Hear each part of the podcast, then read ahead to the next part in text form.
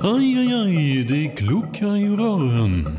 Men det är väl inget att bry sig om? Jo, då är det dags för de gröna bilarna. Spolarna behöver göra sitt jobb. Spolarna är lösningen. Ah, hör du? Nej, just det. Det har slutat. Radioplay. Det här är avsnitt nummer fem som handlar om Beatles album Magical Mystery Tour. Eller album, egentligen var det här en dubbel-EP som släpptes som ett litet häfte.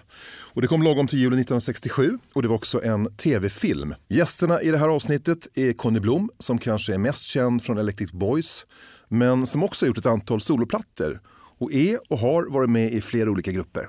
Den andra gästen är Janne Borg som några kanske känner igen ifrån Strindbergs.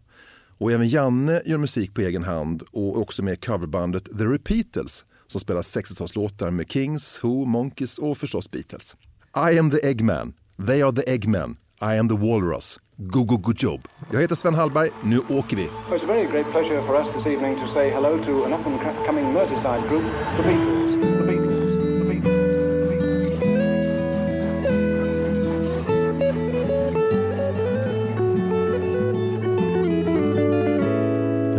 Börja om vi börjar så här rent allmänt och er relation till Beatles. Conny, vad var din liksom första lyssning? Eller kommer du ihåg när du hörde dem första gången? Nej, jag kommer inte ihåg första gången men jag, jag växte upp med, med Beatles hemma. För att min morsa syrra spelar ju Beatles jämt i princip. Så att, um, det var lite grann som med ABBA som man har märkt när man har blivit äldre. Man typ kunde alla låtarna och texterna utan att man ens liksom försökt lyssna på det. De är så otroligt omedelbara melodier och ihop med texter och det. Så det fastnar ju vare sig man vill eller inte. Och Janne, minns du?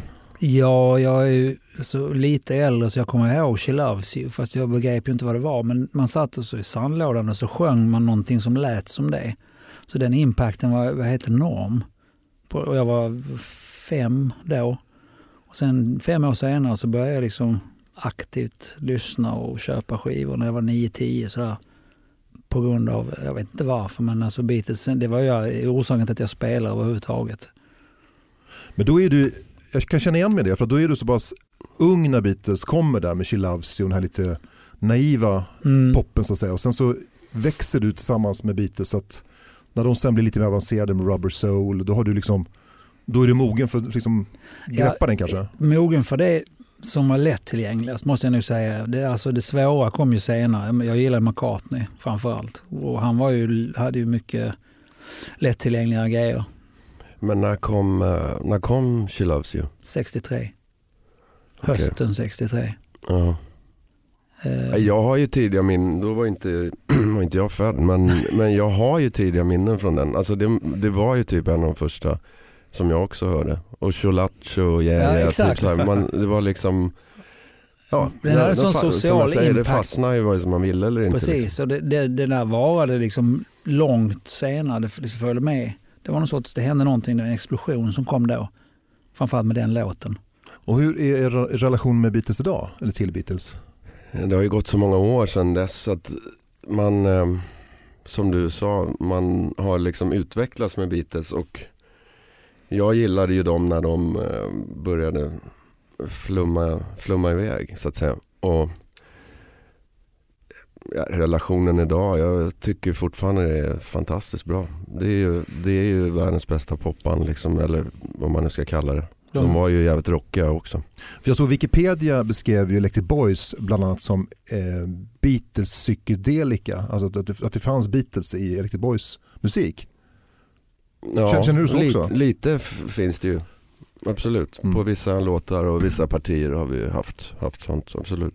och ni har ju stämsång också som kanske inte bara kommer från Beatles men det gör väl det delvis. Det har ni haft ända sedan Det Rolling kommer nog ganska my- eller mycket från Beatles alltså, Ja. måste jag säga. Det är ju de där gamla liksom, att man är uppväxt med det. Som, det går liksom inte att ta ur det. Och Janne, du har ju, du har ju spelat jättemycket Beatles med Ja, Repeaters. så jag började hela min karriär med spela Beatles-covers, eller 60-tal när jag var tonåring, med äldre killar och lärde mig liksom sjunga stämmor och spela bas då. Och sen så var det ju, kom ju punken och allt men sen på 90-talet så startade vi upp ett Beatles tributeband Repeatles, Och vi har åkt runt över hela världen och lirat. Och jag, nu gör jag det själv fortfarande. Jag åker på sådana här Beatles-festivaler i USA och England. För att man, man kan, jag har ju spelat, inte alla deras låtar, men vi hade, ett tag hade vi 350 låtar. Inte alla Beatles, men vi spelade väl de som gick att spela live och lite mer. Så att, eh, och det är, jag lyssnar ju fortfarande på det. Trots att jag har spelat allt så tröttnar jag inte på det. För det är hela tiden någonting nytt. Jag köpte nya Pepper och den kom ut nu igen. Fjärde, femte exet. Liksom. Jag var ju kolla på er med våran basist när ni körde en el. Vilken platta var det? Det var nog Rubber Soul borde det ha varit. Vi körde hela Rubber Soul då. Rubber Soul tror jag. Ja. Det var ju skitbra. Det var verkligen bra. Conny, hade du spelat in i Abbey Road-studion? Mm, jag har gjort två plattor där. Mm. Det är för kul. Finns det något spår av Beatles där eller alltså, det känns det bara att fan nu är jag här? Ja, det roliga var att vi hade ju en låt som heter Mary in the Mystery World som, som släpptes som singel och så här. Men, och då fick vi höra, ja, man hör verkligen att ni har varit liksom, blev inspirerade och så här, men den var ju skriven långt innan vi gick in i studion. Men eh, jag tror, alltså när vi kom dit så vi fick ju, när vi kom in i studion så var det någon som mötte mötte upp oss där och sa ja ni vill väl kolla runt lite i studion? Ja det är klart man vill så här. Och så fick vi en liten så här rundvandring och här är bandan som de spelar in Sardin Pepper på och lite sånt och, och det var ju kul i liksom tio minuter men sen är man inne i samma jävla ångest igen med sina egna låtar och hur, hur man ska få ihop det. Så. Men det var otroligt um, rent så här generellt grym studio var och så, vi bodde ju där också så man bodde liksom tvärs över en, det var som en liten uh, gård där med massa grönska och det. Så vi bodde ju där. Och uh, så man vaknade på morgonen gick man in i studion och käkade frukost och sen satte man igång och jobbade. Det var ju perfekt scenario liksom. Bodde inte Paul McCartney i krokarna där också? Han, bor på, han bodde på Cavendish Avenue. Det ligger det två, nära. två kvarter därifrån kan Ja. man säga. Ehm, Där har man varit utanför och hängt. Jag visade Jack Mittelman hans hus en gång också. Står man där och hänger och tänker han kanske är hemma. Tänk om man kommer ut. Sånt trams. Men man är ju som man är. Hörrni, nu ska jag snacka om en platta som kom eh, efter Sgt. Peppers Lonely Heart Club Band. Och Sgt. Pepper det är, alltså, den är så hyllad och, och många säger att det är det bästa albumet Beatles har gjort.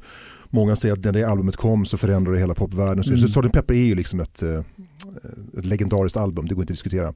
Men eh, om vi tar hela bakgrunden då, så 66 slutar Beatles turnera och så lägger man liksom allt fokus på att spela in skivor istället. Man har tröttnat på att stå och lira live och ingen hör vad man spelar. Alltså, lyssnar man på Beatles eh, live-grejer från den tiden så är det ju inte det, är ingen, det är inte det sena materialet, det är fortfarande de gamla låtarna Mm. de spelar live. Så att de är, jag, kan tänka mig att de fick inte ut så mycket av det här turnerandet.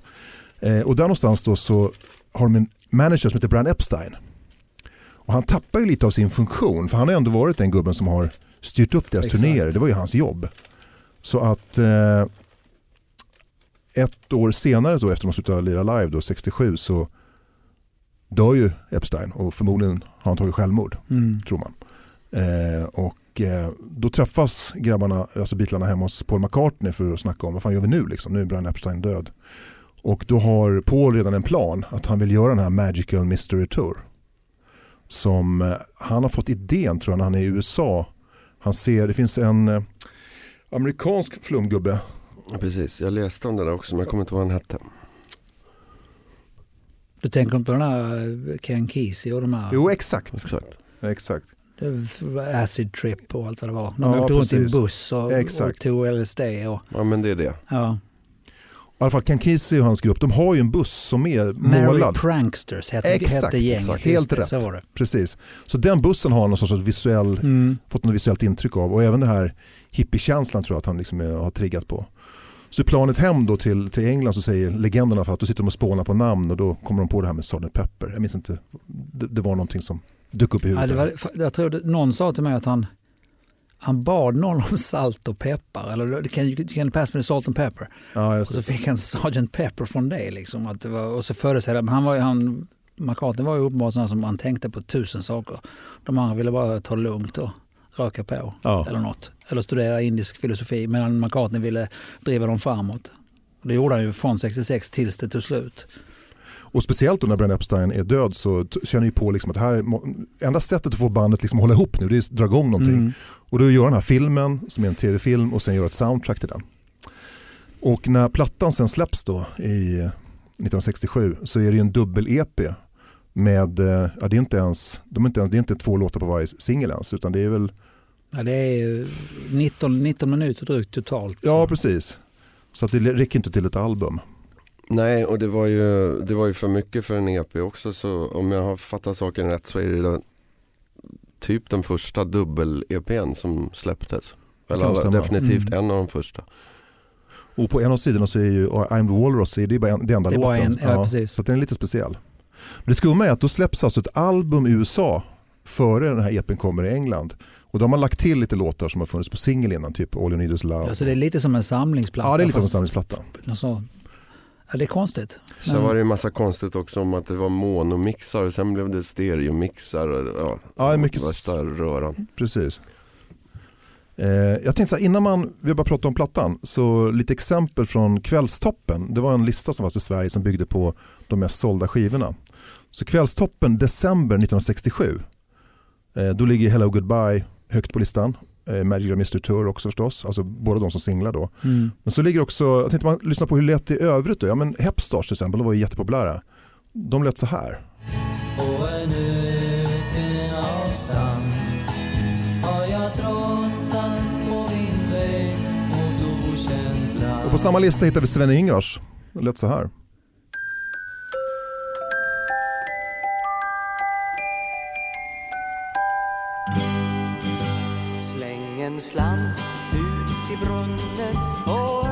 Dig någonting.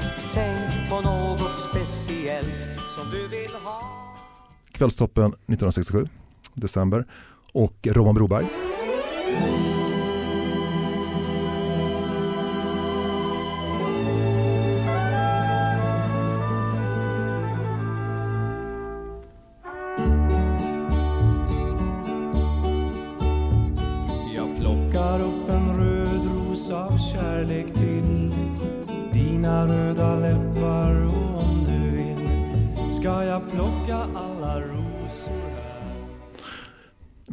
Det fanns ju svensk pop som lät lite mer åt det här moderna Mm. Beatles-hållet. Jag tänker på de här.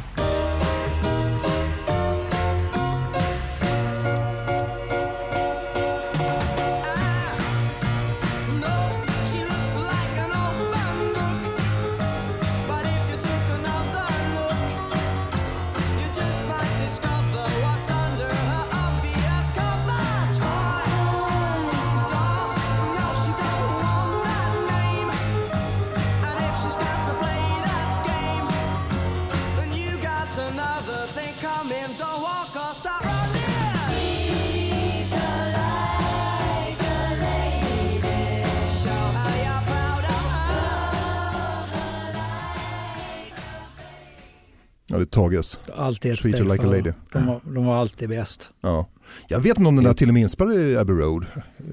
Det, kan de gjorde ju ett album där i alla fall. Det är en väldig skillnad det du spelade innan och det där måste jag säga. Ja, Ja, verkligen.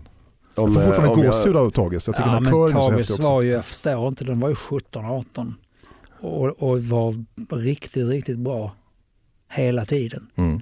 Konstigt. alltså jag, ja. Jag skulle säga annars skulle jämföra, jämföra det här som med Donovan och sånt som kom i England på, samtidigt. Vilken kvalitetsskillnad. Liksom, inget, inget ont om Hepstars och Robban Broberg för de har gjort jättemycket bra men man jämför. Så vi Mm. tur vi hade Tages. Mm. Ja, men om de här första tre alternativen innan Rockad, och om, om det var det som man hade liksom haft runt sig när man var liten så hade ju ens karriär sett annorlunda ut. ja.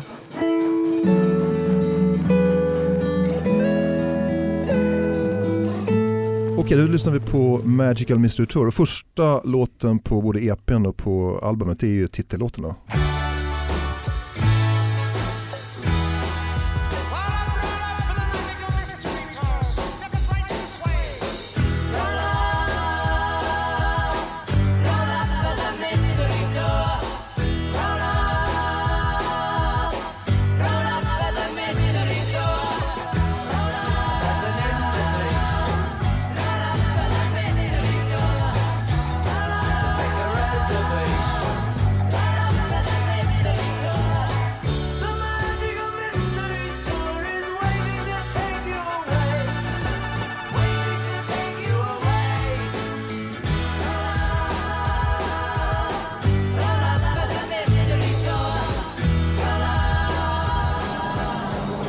Mono. Fantastiskt höga trummor.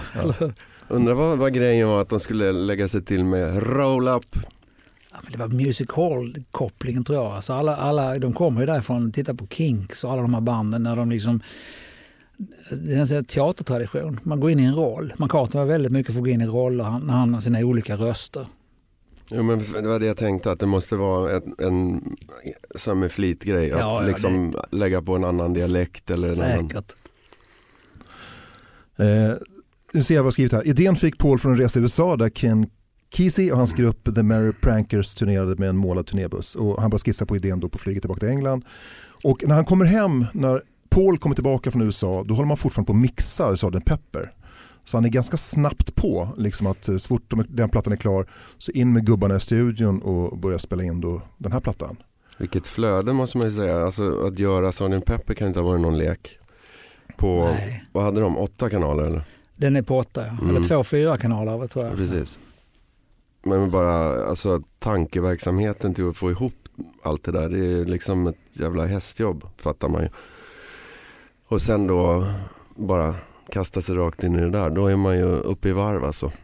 Har jag klart. förstått det rätt så var ju inte George och John speciellt sugna på att göra det där.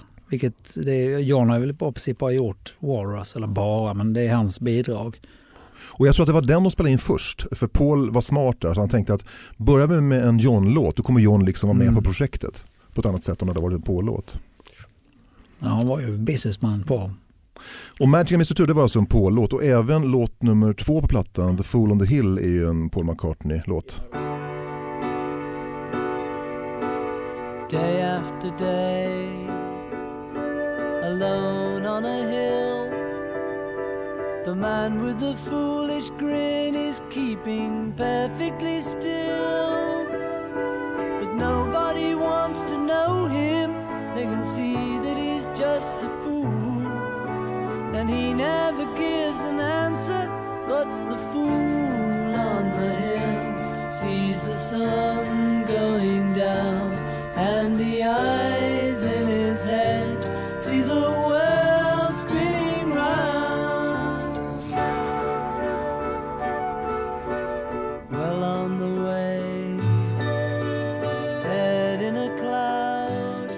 Jag gjorde så här för det är så här fingersymboler som Ringo spelar.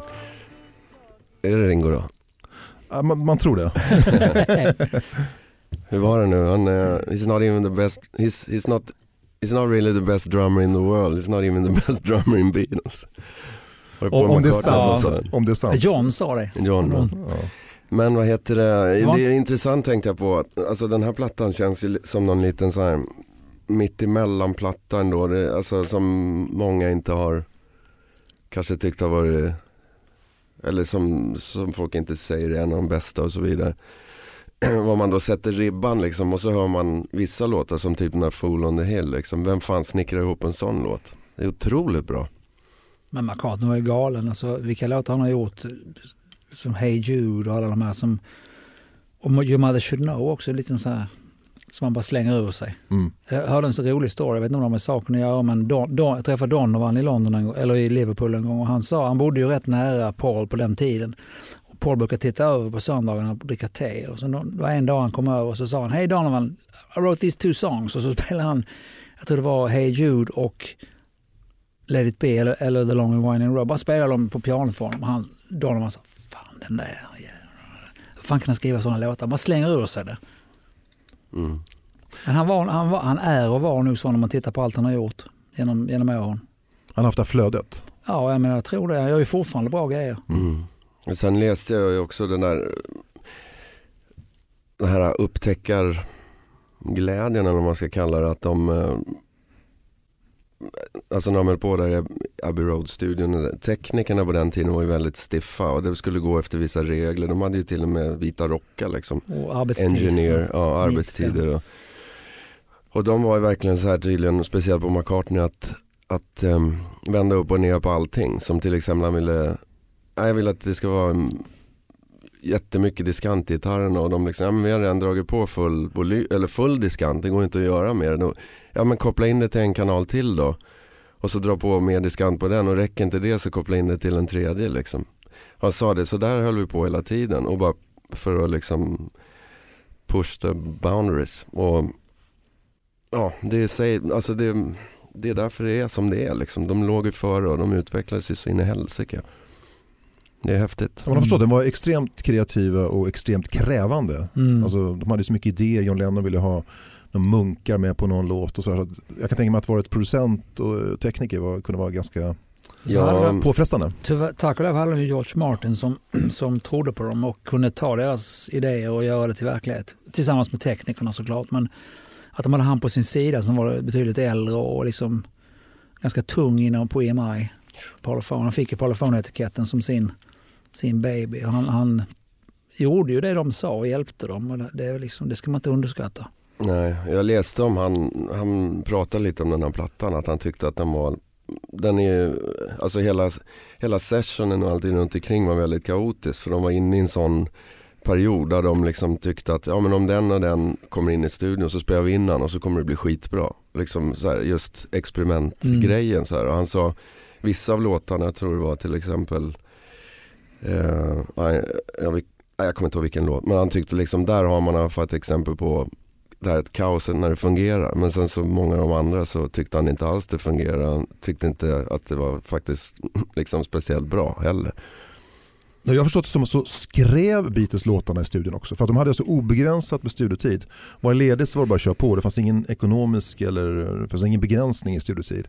Vilket ju var ganska odisciplinerat. Det kunde liksom Paul McCartney komma inramlande med någon sån här vag idé. Så sitter de där och spånar. Ringo förmodligen helt uttråkad, har ingenting att göra. Sitter liksom och, Men det här är ändå sista, sista gången som de faktiskt spelar in som ett band. Sen efter det här så kommer ju Vita, dubbelplattan. Då spelar de in som soloartister. Och ibland var de inte ens där och ibland är det Paul som spelar trummor och bas och hit och dit. Det här är för sista gången de faktiskt samarbetar, vad jag har förstått. Som ett helt band. Det sista jag kan säga om Fool on the Hill det var att eh, det sägs att den skrevs av Paul under den här Sgt. Pepper-perioden. Och att han spelade upp den för John och man tror att kanske att John då blev, eh, fick- lite inspiration till I am the Walrus. Det finns tydligen vissa Mhm. musikaliska likheter. Eh, nu ska vi lyssna på Flying.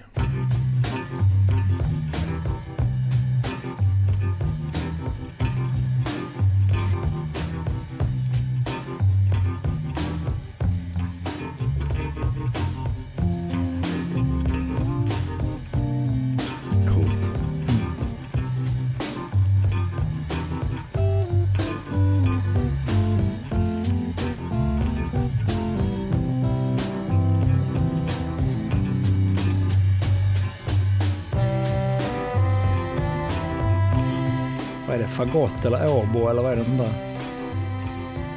Frågan är vad det är för melodi. Det är fortfarande en tolva. 12 bar blues.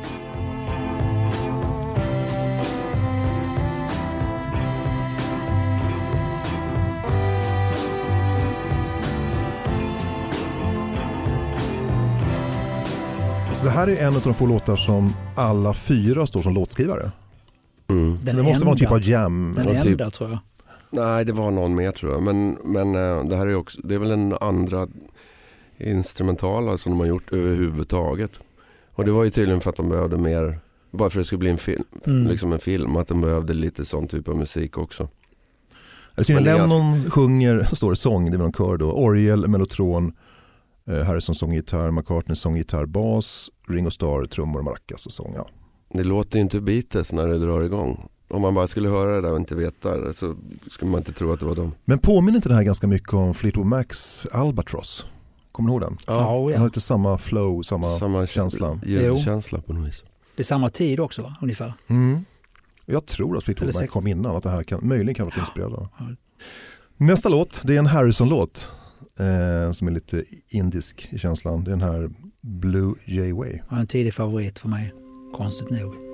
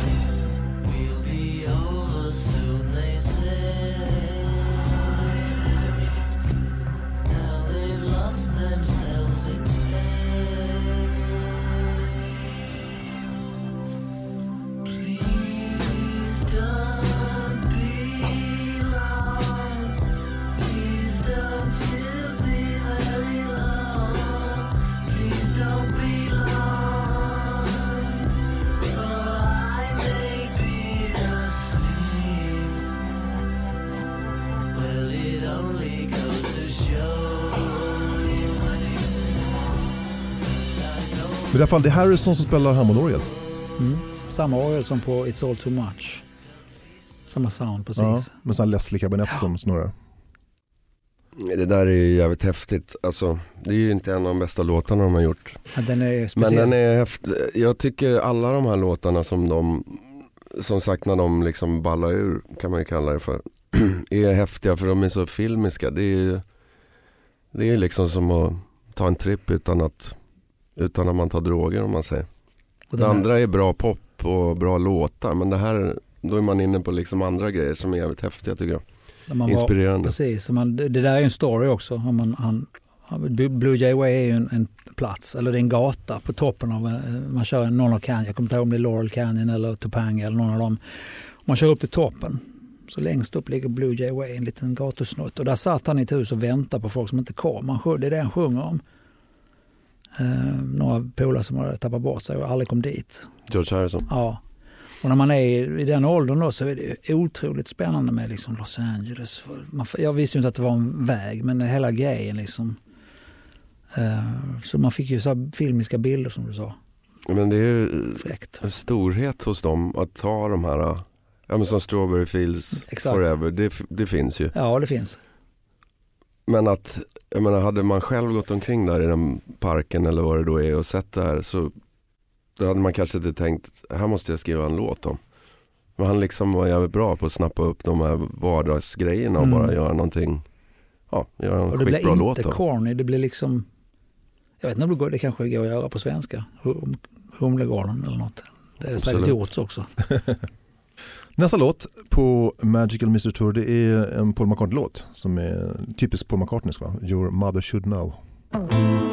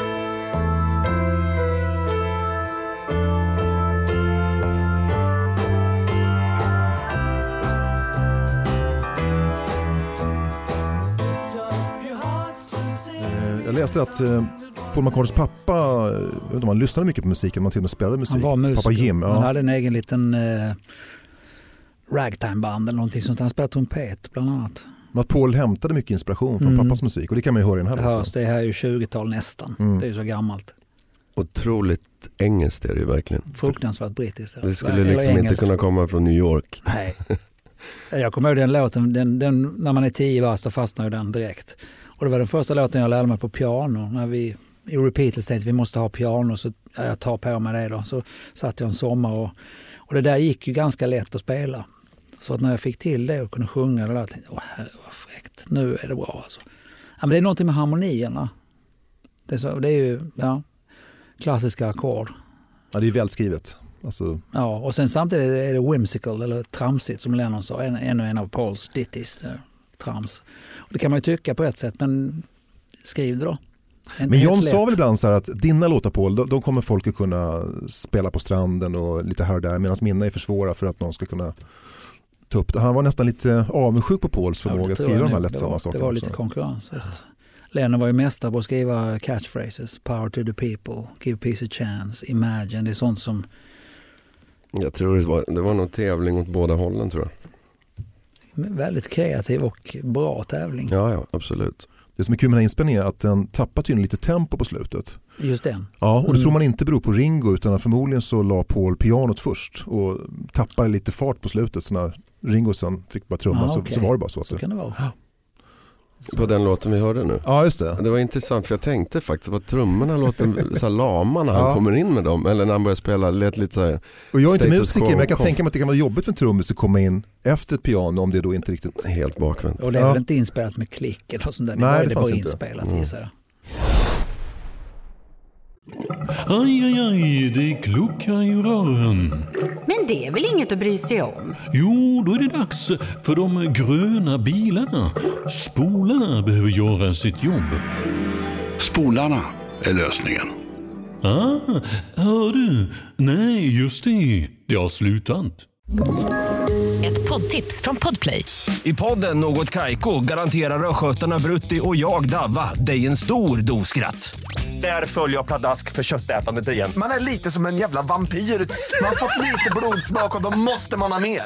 Udda spaningar, fängslande anekdoter och en och annan arg rant.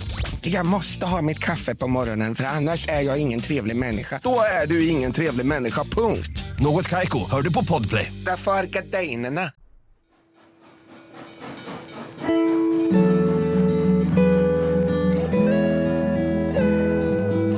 Nu ska vi lyssna på John Lennons bidrag till Strawberry Fields Forever. Man kan väl säga mästerverk? The Ja, det får man säga.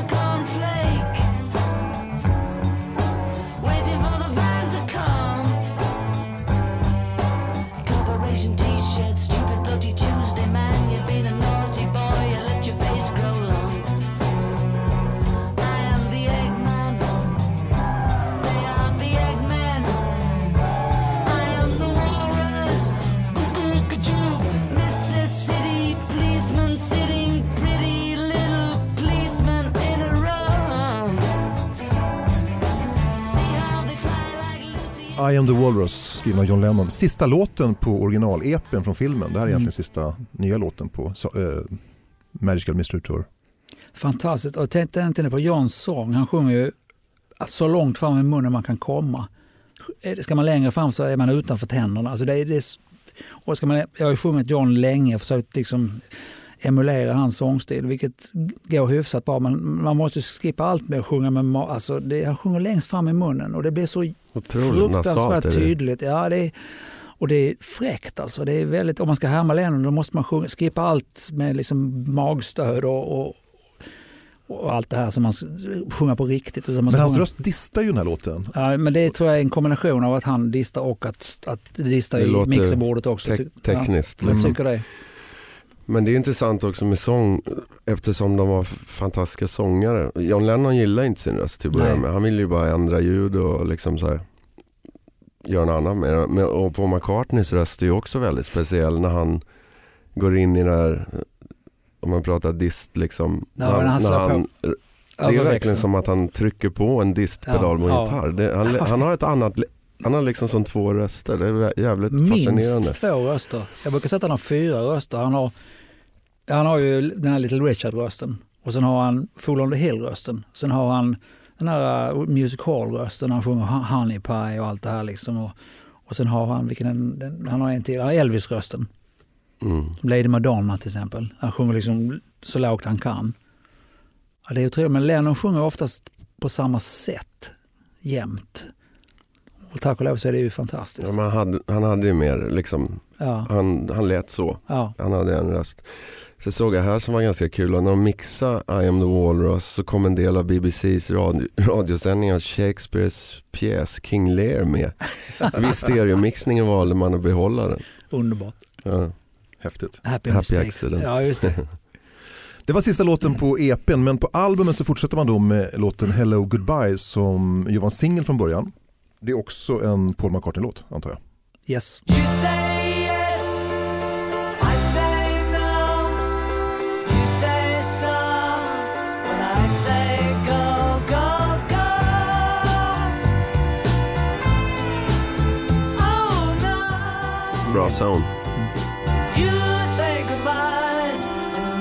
Say hello.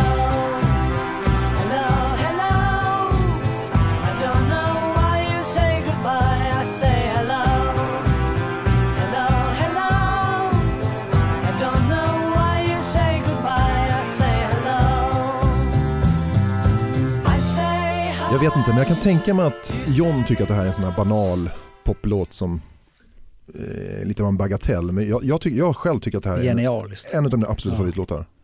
Mm.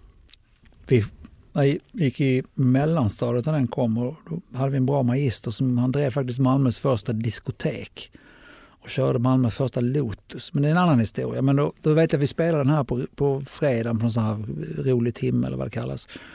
Och vi försökte lista ut den här koden som kom på slutet, hela, he, hela hello, vad, vad de faktiskt sjöng där. Och det, det gick inte, vi kom aldrig på det. Och det är bra för det är ingenting. Det är bara Det är Hula Hula var det inte? Ja, men det är heba, hela, hello eller någonting sånt där. Men det är inga ord egentligen. Men det trodde ju vi, fast vi kunde inte höra det. Och då, på den tiden kunde man inte googla fram en text. Det är kul också att John Lennon tyckte att, att, att Paul gjorde liksom så banala och vad du kallar det förut. Som han- Whim, whimsical är ord på engelska. Ja, men jag tramsiga. menar när han stod och sjöng nyss som liksom så här sitting on a cornflake waiting for the, I am the, you know, vad är det nu är han säger, allt liksom, det är bara bullshit Ja. egentligen. Ja. Det sägs att eh, Lennon var lite inspirerad av A White Shade of Pale när han skrev I'm the Walrus. Alltså det här A White Shade of Pale betyder ju inte heller någonting. Nej. Och det var ju en låt som John älskade den här sommaren. Mm. Sångaren där, vad han nu heter, sa ju att han, han har ingen aning om vad, de liksom, vad den handlar om. White shade of pale. Ja. Alltså, nej. Bra, bra, Det är bara bra fras bullshit. dock. Låter liksom bra. Typ. You look like a white shade of pale. Blekare kan man inte bli. Men Lennon var ju, han gillar ju det här eh, Lewis Carroll, du vet Alice i Underlandet alltså såna, och allt gobbledygook. Det är alltså Galle Mattias på svenska. Där man bara säger ord som inte betyder någonting. I am he as you are he as you are me and we are all together och så vidare. Och han gillar ju sånt. Alltså, det- han, jag vet inte om det är den låten, men det är någon låt där han liksom, de har, de har gjort en avhandling om vad de, vad de skriver om och så, så tänker jag jag ska göra det total nonsens och se vad de säger och så börjar de analysera det också. Mm. Ja, men han gillade väl att reta Ja, kultureliten, John Lennon. Absolut. Men sen är det ju igen det där att Ja men som med ABBA också, någon, jag såg något program med dem att de kunde liksom när de har suttit och skrivit låtarna så kunde de spendera jättelång tid med att bara hitta rätt ord. De hade kanske en melodi men just hitta orden som lät bra ihop med den melodin. Och det är det som Beatles också var så grymma på. Mm. Som gjorde att det blev, blev så bra och så hittigt. Det, och sen man tänker ofta inte ens på vad det är de sjunger om utan det bara låter bra. Liksom. Men jag uppfattar Beatles som ganska kvicka rent verbalt. Till och med Ringo var en sån som kunde slänga one-liners. Ja, absolut. De Det var en jävligt kreativ miljö där det kom mycket ord liksom och ordlekar. Det hade amerikanerna svårt med när de kom första gången. Alla de var ju väldigt rappa. Hörrni, nästa låt vi ska lyssna på det är en Lennon-låt. Det är Strawberry Fields Forever. Men jag tänkte innan vi lyssnar på den versionen som ligger och som, som släpptes då, som ligger på plattan, så vill jag lyssna på den som ligger på Anthology 2. Mm. Strawberry Fields Forever, alltså ursprungliga versionen. För att när jag hörde den första gången, bara för några år sedan, var det nästan så här, alltså väldigt varm i hjärtat. Den är så jäkla fin i John Lennons Mm. ursprungliga version. Och jag tycker naturligtvis att den originalversionen är, är bra också. Men den är mycket mer naken här med John Lennons gitarrspel. Vi lyssnar lite på den innan vi går på det riktiga.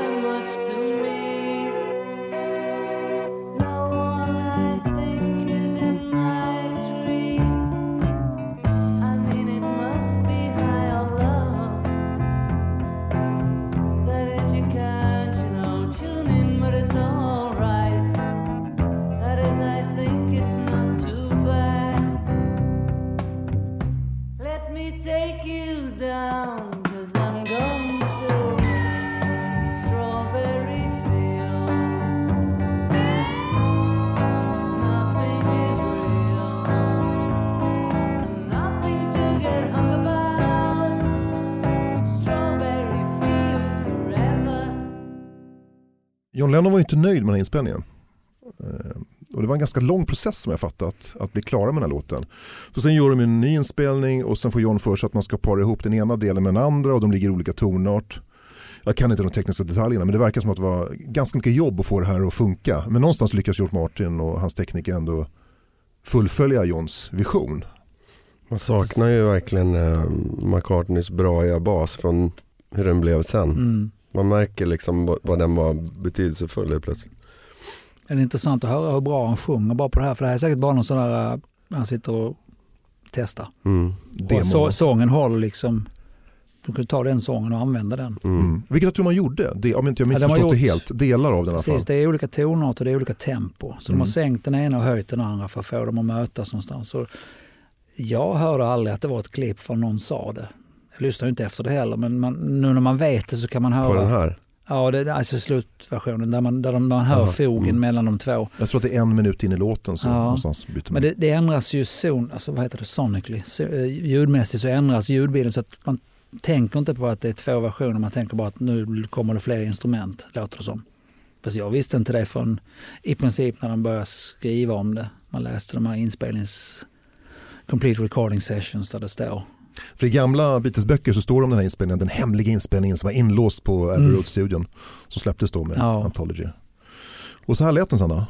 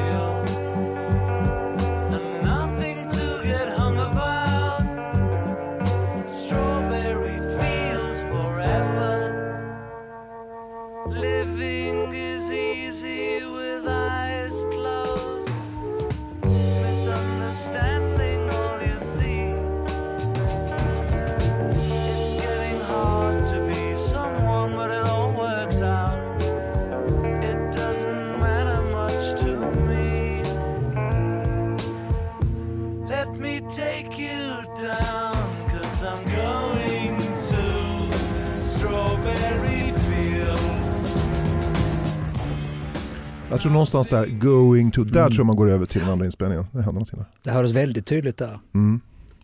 Ja, men inget fel på trummorna. Nej, men jag, tänkte, alltså- jag, tänkte, jag tänkte faktiskt fel. Jag fick för mig att det var basen som, vad är det som är, vad är det jag saknar? Så tänkte jag att det var basen, men det är ju fan trummorna. För basen gör ju inte något speciellt. Men trummorna, Sånt helvete. häng i hans spel. Alltså. Älskar det där stuket. Mm. Och så är det samma symbol som i Love Me Do. Gosh. Var det, hans, var det Ringo Starrs vänsterhänthet som gjorde att, eller vänta, han, han spelade bakifrån? Han är ja, vänsterhänt och spelar åt höger. men så är det, det blir någonting som blir konstigt i alla fall. Han börjar, han börjar vevla något med fel hand på Ja, sätt. Om det nu har någon betydelse, det har det tydligen.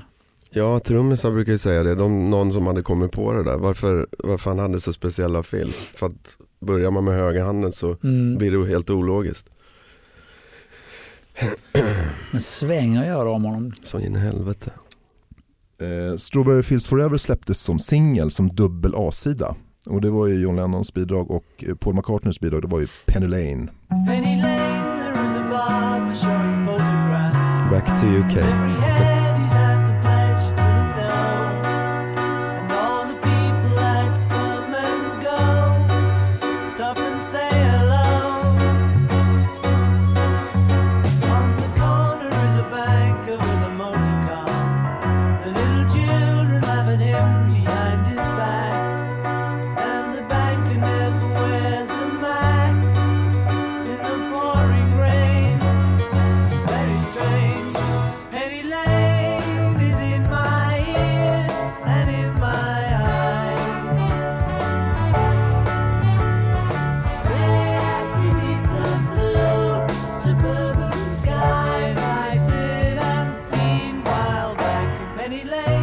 Det är en ganska så här romantiserad bild av Liverpool och England. Ja, det är ju en, en rondell i en stadsdel i, på väg åt där de bodde när de var små.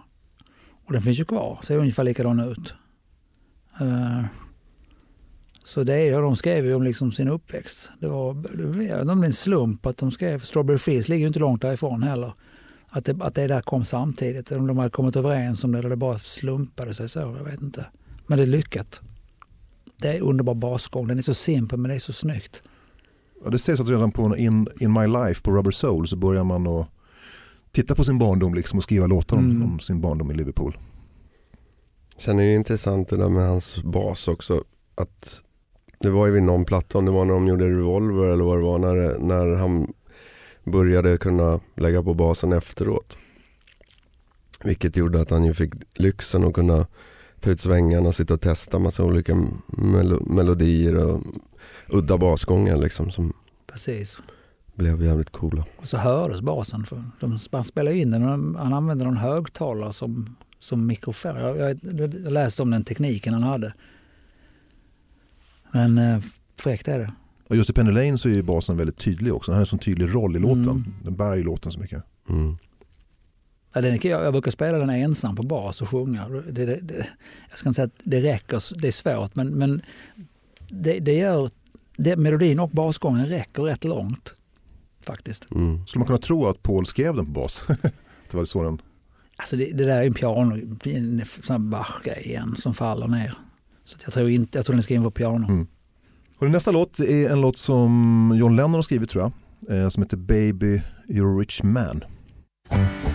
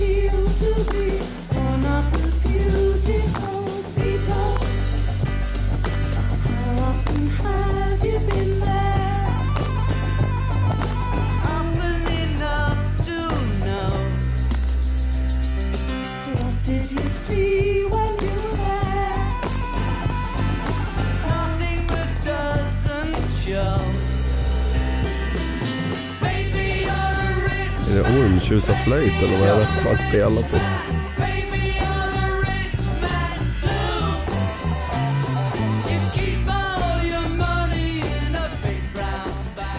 Undrar om det är den där som uh, Marilyn Manson fick Beautiful People ifrån. Kan ju vara. Nej, men Lennon spelar på något som heter Clavolin. Clavoline. Eh, jag kikar på det, jag, tror att, jag, får att, jag minns rätt att det var ett eh, ser ut som en liggande, liggande dragspel.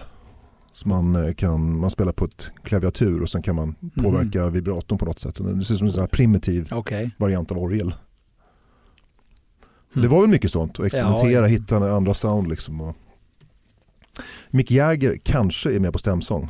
Fantastiskt. Man vet inte men man tror det. Nej. Det finns ju en bild i alla fall på dem ihop där i studion. Okej. Nej, men det här är ju en lite flummig låt. Det här var ju samtidigt som All You Need Is Love ungefär. Det är, väl- det är väl baksidan på den tror jag. Och den, där var ju Jagger Richards med i studion. Mm. Det stämmer, det är B-sidan. Fräck låt. Vi har De försökt ju- lira den. Den är inte helt lätt att lira för den är så olätt. Mm. ja, och sen kommer då All You Need Is Love, sista låten på A Magical Mystery Tours album. Och den gjordes ju, det var lite speciellt, det var ju ett tv-program som BBC gjorde som heter Our World. Som skulle visas då i ungefär 30 länder. Och eh, jag tror det var liksom färg-tv var lite häftigt också. Det var färg och sådär. Eh, och man hade ungefär 500 miljoner tittare. Eh, och om jag förstått det rätt så spelar man in en del av bakgrunden och sånt i förväg men sen gjordes det live liksom i tv-programmet, sång och sådana saker. Så det man ser i tv-programmet är live på riktigt. Mm, det tror jag också. Det är något sånt. Jag är inte säker på hur det är gjort men det, det låter så. Man ser i alla fall bitarna sitta där och jag får att Lennon spelar piano och sitter någon, något original bredvid, bredvid Lennon som, det var du som berättade Janne att det var någon sån här eh, dagdrivare i Liverpool som de hängde lite med, eller som hängde, han var lite hangaround. Det var inte jag. Nej, det är någon som har berättat i alla fall. Ja. Så det är ganska kul man ser den här videon att han, Han snubben som Mm. sitter, han ser väldigt så här Där är han. på deken ut liksom, men det var inga problem, han hängde med Han hade väl bra röka eller något. förmodligen. Så här låter det.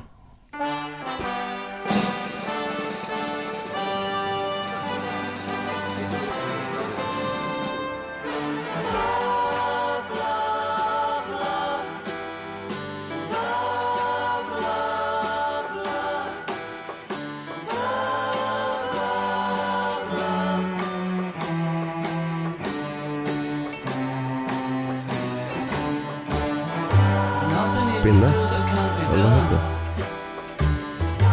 Spikpiano eller nej? Kla- Cembalo. Cembalo, ja. Cembalo är det.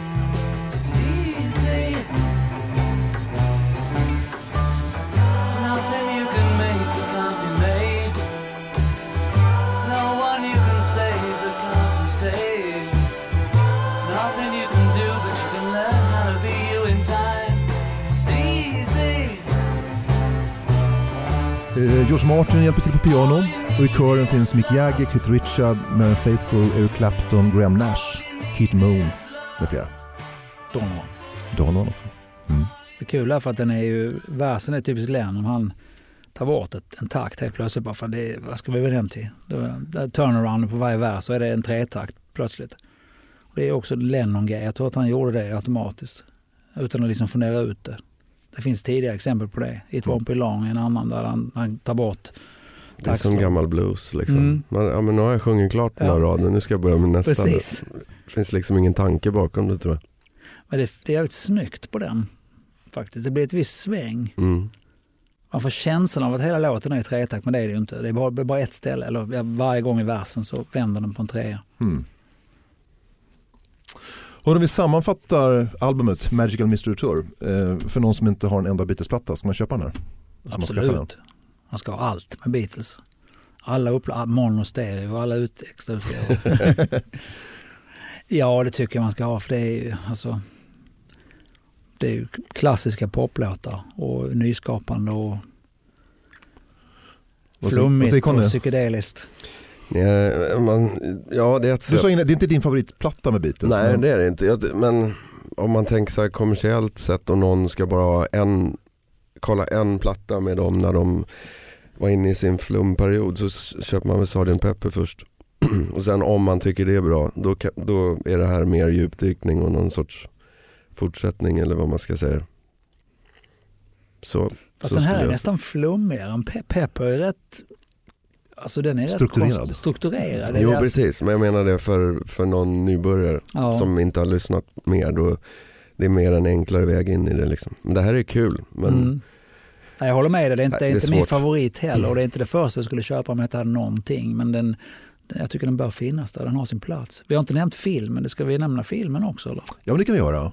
Va, va, vill du dra handlingen? Nej, alltså, det finns ingen handling. Det är som du sa, Pa- Paul tycker att eh, en, en buss, ett gäng människor och inget manus borde ju funka. Det funkar jättebra och det gör det ju inte. Så det blir, de åker runt i en buss i en vecka tror jag. I, i Cornwall bland annat och ute på Heda. hedar och, och det finns som sagt inget manus. Utan de bara tar dagen som den kommer. och det blir ju därefter.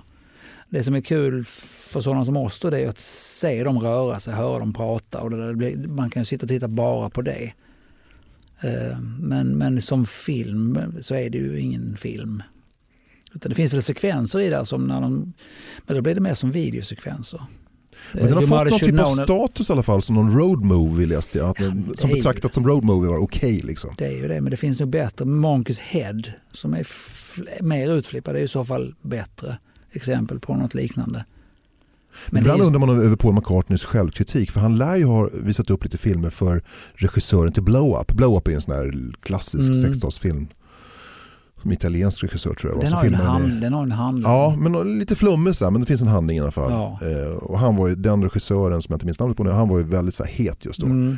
Men det bekymrade inte Paul, han visade upp lite sköna hemfilmer. Så att Paul var nog väldigt så här, självkritik var nog inte hans största Alltså, last. Men, vilket få- kanske också var jävligt bra för att han vågar se, ja fan vi gör en film liksom, Ja. bara våga göra det. Och, Det är som de brukar snacka säga, "Well, det vita albumet skulle varit en singelplatta.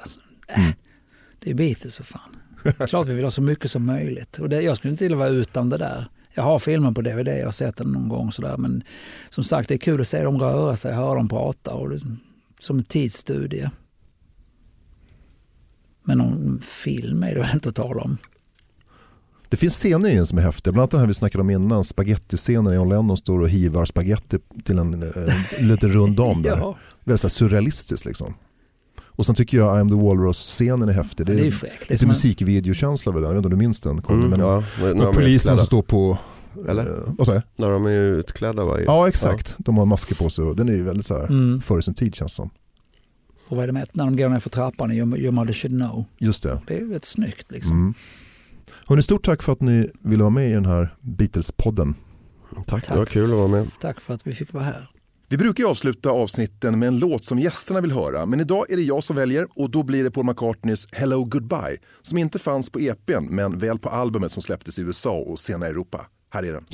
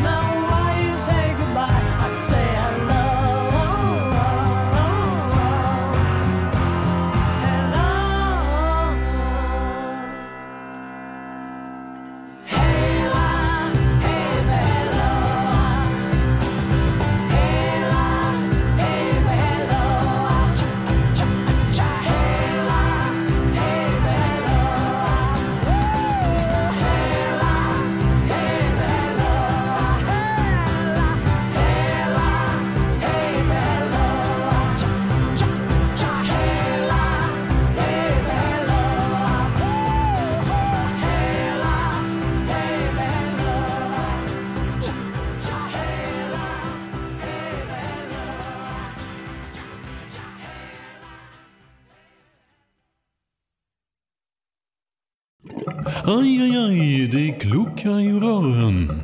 Men det är väl inget att bry sig om? Jo, då är det dags för de gröna bilarna. Spolarna behöver göra sitt jobb. Spolarna är lösningen. Ah, hör du? Nej, just det. Det har slutat.